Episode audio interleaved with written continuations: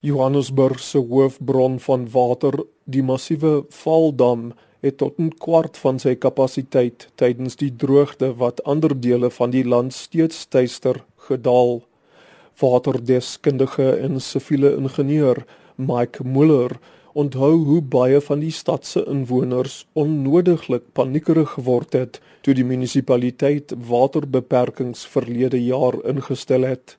What they didn't know is that the Sterkfontein Dam was 90% full and it's actually a bigger dam than the Vaal Dam. So the strategic reserve was still up there and the restrictions were introduced just to make sure that even if the drought went on for another two years, there would have been enough water to see the cities and the businesses through the problem. Die Sterkfontein Dam is sowat 300 km suidoos van Johannesburg naby Harrismith. Dis ook in staat om die stad van water te voorsien. Maar Muller wat spesialiseer in doeltreffende waterbestuur reg oor die wêreld, insluitende vir die Verenigde Nasies en Wêreldbank, sê selfs Suid-Afrika se megadamme is nie genoeg vir die land se toekomstige ontwikkeling nie. The population is growing, water consumption is growing, but the system which has got to supply all these people and all these activities isn't growing. Hier verwys Muller spesifiek na fase 2 van die Lesotho Hooglande waterprojek, die bou van die Polihali dam. Die geskeduleerde voltooi datum van die dam was volgende jaar. Muller en sy eweknie in Lesotho het die ooreenkoms geteken toe hy Suid-Afrika se direkteur-generaal van waterwese was vanaf 1997 tot 2005.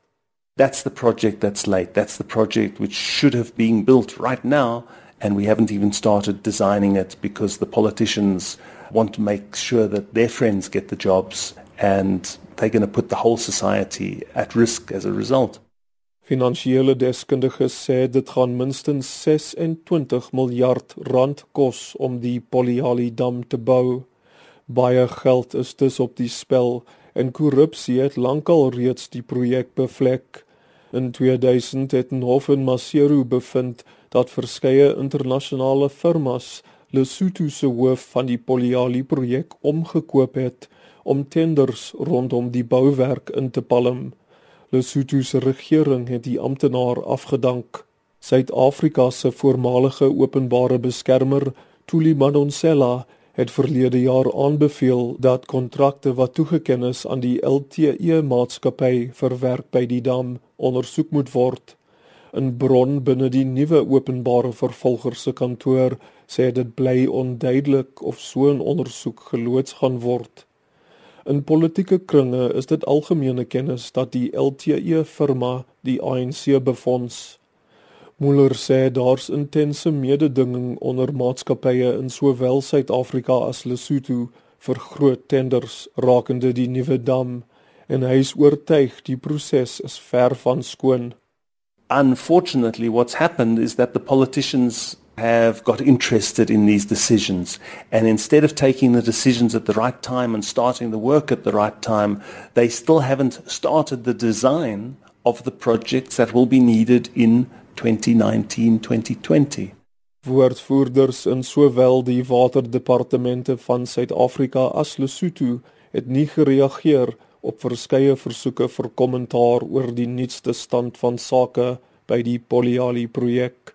Suid-Afrika se koerante is wel vol advertensies vir konsultante en kontrakteurs. Albei lande se regering sê die dam gaan nou eers in 2025 voltooi wees. Muller sê sy ondervinding sê vir hom ook hierdie sperdatum sal nie gehaal word nie. Maar selfs as dit wel gebeur, is tragedie, soos hy dit stel, moontlik in Suid-Afrika as gevolg van al die vertragings. We're actually at serious risk if there's a drought, say in 2020, that goes on for four years. We will not come out of it nearly as well as we've come out of the present one. Muller sê sonder die Poliali dam se water sal die afgelope paar jaar se droogte wat steeds in die Wes-Kaap woed soos 'n piknik lyk. Miljoene mense wat op mieliemeel as stapelvoedsel staat maak, sal honger ly terwyl graanpryse die hoogte inskiet. Daarop volgende mielieoeste in spesifiek die Noordweste sal misluk met selfs meer boere wat bankrot speel as verlede jaar. Fabrieke en ander besighede wat op water staat maak, sal moontlik toemaak met gepaardgaande werkverlies en ekonomiese stagnasie. Ek is Darren Taylor in Johannesburg